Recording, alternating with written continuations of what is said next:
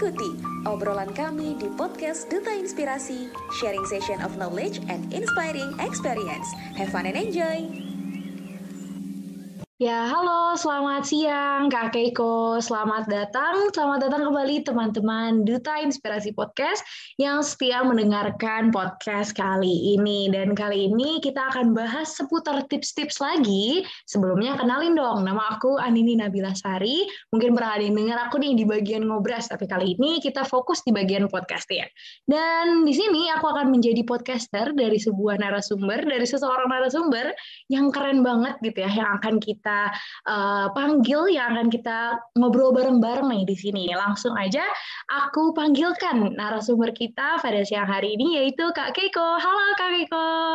Halo Andini, halo Sobat Inspirasi semuanya. Wah, wah dari suaranya aja udah terdengar banget ya bahwa Kak Keiko ini sangat uh, ceria banget nih. Nah, boleh nih Kak Keiko mungkin perkenalkan dirinya dulu, terus boleh banget Kak sharing tentang lagi sibuk apa aja sih Kak Keiko? Oke, okay, thank you ya waktunya Andini. Oke, okay, sebelum itu aku mau siapa dulu nih Sobat Inspirasi. Halo semuanya. Halo. Aku tahu hari-hari ini mungkin banyak hal-hal yang sering kita alami entah itu mengenakan atau uh, kurang mengenakan tapi aku yakin di luar sana kalian pasti lagi apa ya lagi berusaha nih untuk menghadapi segala sesuatu dan aku doakan semoga kalian sehat selalu ya Oke, okay.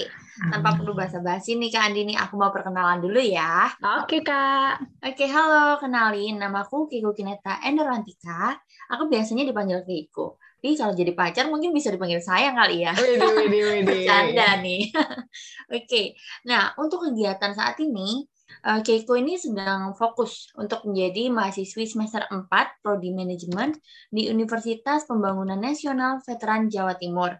Dan Keiko juga diberi tanggung jawab sebagai Vice Project Director Duta Inspirasi BED saat ini. Dan untuk kegiatan lainnya, Keiko juga tengah disibukkan oleh kegiatan Keiko sebagai micro influencer yang di mana tugasnya Keiko ini adalah untuk apa ya untuk mempromosikan UMKM melalui konten-konten yang Kiko buat melalui sosial media terutama Instagram. Dan untuk kesibukan lainnya, Kiko mungkin persiapan untuk beberapa event atau kegiatan yang akan datang. Singkatnya gitu Kak Andini. Oke, wah keren banget nih seorang micro influencer yang sebentar lagi sepertinya akan menjadi mega influencer ya. Amin. Amin. Oke, oke, oke. Oke deh kalau kayak gitu, mungkin uh, setelah kita tahu nih kesibukan dari Kak Keiko gitu ya. Tadi kan disebut sebenarnya kesibukannya banyak banget ya. Banyak banget kegiatan-kegiatan yang Kak Keiko lakukan sehari-harinya gitu. Nah, menurut Kak Keiko nih, dari seluruh kesibukan yang dilakukan oleh Kak Keiko, apalagi tadi Kakak sebenarnya udah sempat bilang nih, pasti setiap hari itu kita ngalamin nih kejadian entah itu enak atau nggak enak gitu ya. Tapi nih Kak, dari seluruh kesibukan itu, menurut Kakak kita tuh perlu nggak sih yang namanya istirahat bentar aja Kak?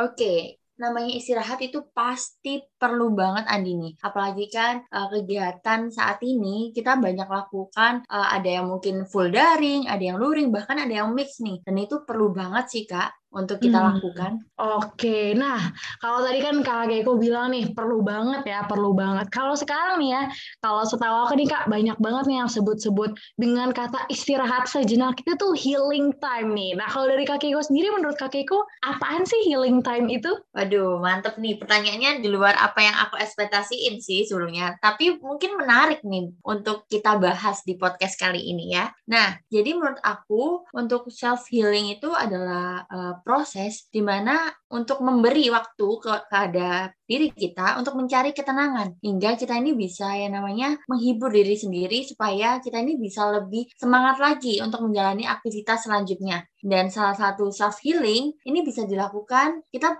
sering dengar sih yang namanya me time. Kamu pasti sering banget kan Andini untuk me time? Hmm, bener banget, bener banget. Itu kayaknya sekarang orang-orang tuh me time itu ya kalau nggak staycation atau apa itu me time kan yang dimaksud kakek gue ya? Iya, iya benar, benar. Nah, dan itu uh, tentu hal yang baik dan boleh banget buat kita lakukan untuk diri kita sendiri. Karena diri kita ini pasti selama ini uh, mencapai goals di detik ini itu memperoleh yang namanya mungkin tekanan atau hal-hal yang uh, kita nggak pernah duga-duga nih sebelumnya hmm. dan bisa dibilang kurang enak, terus kurang nyaman bahkan kita merasa bahwa di level yang di mana kita rasa kok aku kayaknya nggak bisa deh. Pasti pernah kayak gitu. Dan itu perlu yang namanya self healing atau healing time. Dan hal itu salah satu cara yang ampuh nih buat kita bisa mengambil waktu apa sejenak untuk diri kita mengisi daya maupun secara fisik dan batin dan mengembalikan semangat diri kita. Kayak gitu Kak Andini. Oke, wah berarti sebetulnya penting banget ya Kak karena tadi ya kita nggak tahu nih ada apa sih sebetulnya yang sekiranya tuh mungkin membuat kita nggak enak atau kita bahkan padahal itu hal yang nggak enak tapi kita nggak rasa gitu ya. Terus kayak dilanjut lanjut lanjut terus gitu ya. Wah berarti bener-bener penting banget nih. Nah kira-kira nih kakek kok ada nggak sih hal-hal lain gitu yang membuat dari kakek kok sendiri deh mungkin uh, pengalaman boleh banget nih. Uh, kira-kira apa yang membuat kakek kok rasa kayak oh ini kayaknya gue mesti healing banget nih. Itu apa tuh kak? Oke, okay, kayaknya uh, podcast kali ini nanti kalau teman-teman dengar langsung pengen healing kayaknya kak. Wede, wede, wede, bener banget tuh kak.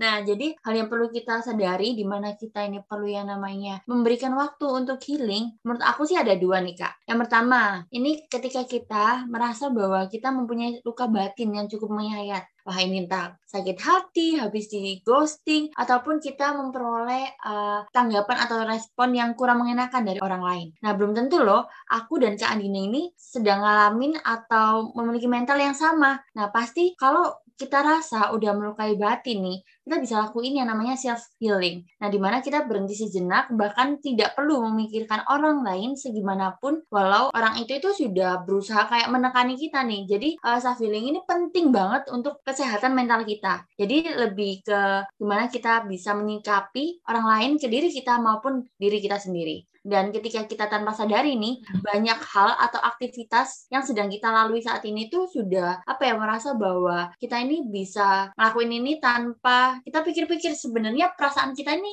kenapa sih? Kok aku uh, merasa bahwa aku baik-baik saja. Nah, itu bisa ditandai kalau kamu lagi atau butuh banget yang namanya self healing. Jadi kita merasa bahwa ketika kamu apa ya merasa diri kamu ini ada luka yang teramat sangat dalam, nah itu bisa hmm. menjadi tanda bahwa kamu ini perlu yang namanya self healing. Lalu yang kedua, ini hampir sama kayak pernyataan yang terakhir aku. Nah, ketika kita merasa bahwa kita uh, sudah kasih nih waktu tenaga kita untuk fokus ke hal-hal yang positif, tapi tanpa disadari hal-hal itu membuat kita ini nggak tahu kapan istirahatnya kak, Iya kan? Mungkin hmm, ada sekolah, organisasi, terus juga ada kegiatan luar lainnya, dan bahkan itu bisa menjadi hal yang uh, mungkin bisa dibilang kalau sering kita dengar adalah toxic productivity. Pernah dengar nggak kak? Pernah, pernah, pernah yang apa-apa nah. tuh harus produktif terus ya, nah, kayak ada istirahatnya ya. Hmm. Bener banget dan itu membuat kita ini jauh apa ya melakukan pekerjaan ini lebih keras lagi dan tanpa disadari hmm. kita merasa bahwa ketika kita nggak melakukan sesuatu kita merasa useless ya nggak sih? Hmm, bener nah, banget kak. Nah di di waktu itu adalah hal yang paling tepat untuk melakukan self healing. Mungkin uh, oke okay, di awal kita merasa nggak apa-apa kok aku melakukan uh, kegiatan ini ya untuk diri aku sendiri ngembangin diri aku sendiri. Hmm. Tapi tanpa disadari ketika kita uh, mulai disibukkan A, B, C, D, kita nggak tahu tujuan fokus awalnya ini apa. Kalau untuk mengembangkan hmm. diri, kita juga harus melihat nih dari sisi kesehatan kita. Kesehatan kita ini bukan berarti apa yang kita makan, tapi apa yang kita rasakan dan pikirkan. Betul nggak Kak Ani? Betul banget Kak. Wah bener ya. Berarti nggak cuma kesehatan fisik yang mesti dilihat, buat apa yang kita pikirkan, kesehatan mental kita itu benar-benar sepenting itu benar, ya Kak berarti ya? benar. ya? Oke, iya. oke, oke. Wah, di sini berarti aku bisa dapat kesimpulan nih, Kak. Kalau produktif itu boleh, semangat itu boleh, berjuang itu boleh, tapi kita tetap ada waktu istirahatnya gitu ya, Kak, berarti ya?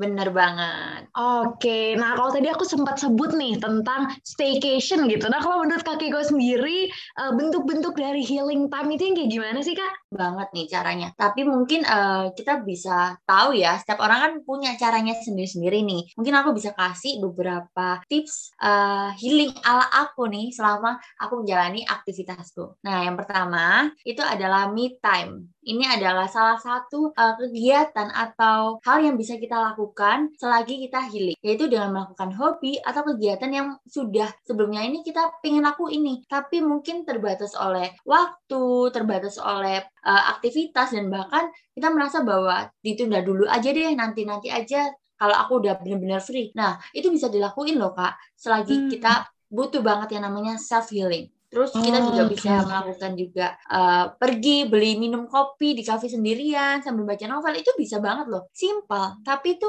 bisa menyegarkan apa yang kita rasakan dan kita alami saat itu. Dan kita juga bisa nih mungkin uh, yang apa ya disibukkan oleh kegiatan bisa mempercayai apa mempercantik diri nih ke salon ataupun kita bisa spa segala macam. Jadi intinya ini adalah memberikan waktu sepenuhnya sehari untuk diri kamu kayak gitu. Lalu yang kedua kita bisa melakukan meditasi nih kak. Kalau pernah nggak meditasi? pernah-pernah yang pokoknya bikin jadi tenang gitu kan kak? Yap, iya bener banget. Ini banyak banget sih yang bisa kita lakuin hmm. dan mungkin kita bisa cari referensinya di internet kan banyak apalagi kita kan uh, full daring nih ya. Pasti informasi apa pun banyak di TikTok di uh, YouTube bahkan di Instagram sendiri pun podcast hmm. juga ada. Kita tuh bisa melihat bahwa cara-cara meditasi yang baik dan benar itu bisa. Dan aku juga pernah uh, melakukan hal itu. Itu gampang banget di internet kan banyak. Aku lakuin dan itu emang menolong aku banget. Ditambah dengan hmm. mungkin kalau meditasi ditambahin itu ya kayak lilin aromaterapi itu kan menyejukkan yeah. banget ya ditambah dengan musik-musik yang tenang itu bener kayak ngebantu nge-refresh ulang apa yang ingin kita uh, keluarkan dan juga apa yang ingin kita apa ya pokoknya intinya merefresh lah apa yang ada di dalam diri kita hmm, hmm, hmm. Lalu yang terakhir oh, nih iya, iya. ada juga melakukan kegiatan positif, tapi ini bukan berarti uh, harus produktif ya. Positif ini mungkin kita bisa melakukan dengan membaca buku, berkebun, hmm. bersepeda, lalu mendengarkan musik. Sesimpel itu tiga hal hmm. itu tadi aku lakuin di saat aku merasa aku butuh banget yang namanya self healing. Karena aku rasa diri aku ini yang mengerti diri aku, jadi nggak ada orang lain yang benar-benar tahu nih diri aku hmm. sebenarnya. Jadi kalau nggak kita, itu siapa lagi? Kayak gitu kan. Betul, wah. Wow, keren banget sih Kak. Berarti ini ya, sebetulnya sesuatu yang membuat kita seneng, membuat kita terrefresh itu sebetulnya udah bisa disebutkan dengan healing ya. Jadi ya, benar tergantung versi kita ya Kak ya? Yap.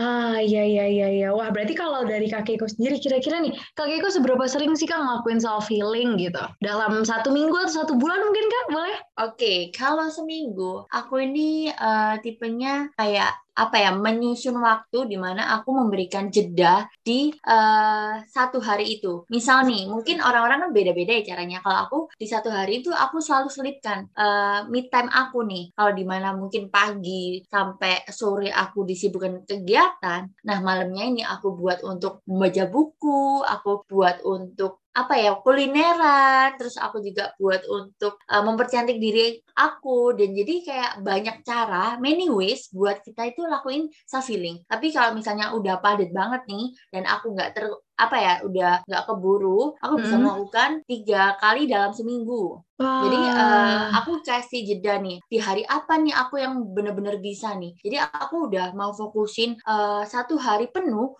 untuk menyegarkan diri aku agar aku ini bisa uh, terlihat bahwa aku untuk melanjutkan kegiatanku selanjutnya, aktivitasku selanjutnya ini bisa benar-benar plong gitu. Jadi kayak istilahnya kayak mencharge diri biar dayanya ini penuh lagi gitu. Karena aku rasa aku juga butuh banget yang namanya self healing. Kayak gitu, Kak. Oke, wah keren banget nih Kak Keiko. Berarti sebetulnya kita juga apa ya, Safil itu bukan kayak setahun sekali gitu ya Kak, tapi Iya, bisa. bukan. Oke, Lama dong Kak. iya, kalau setahun sekali nanti udah stres duluan ya Kak. Ya, iya, ya, benar. Oke, oke, oke. Berarti sebetulnya sifatnya berkala ya Kak Keiko ya? Iya, berkala. Oke, oke, oke. Oke, bener deh. Tapi pernah nggak sih Kak Keiko gitu ya, lagi saking sibuknya banget nih, sampai hmm. seminggu full gitu, sama sekali nggak bisa healing time gitu. Pernah nggak sih Kak?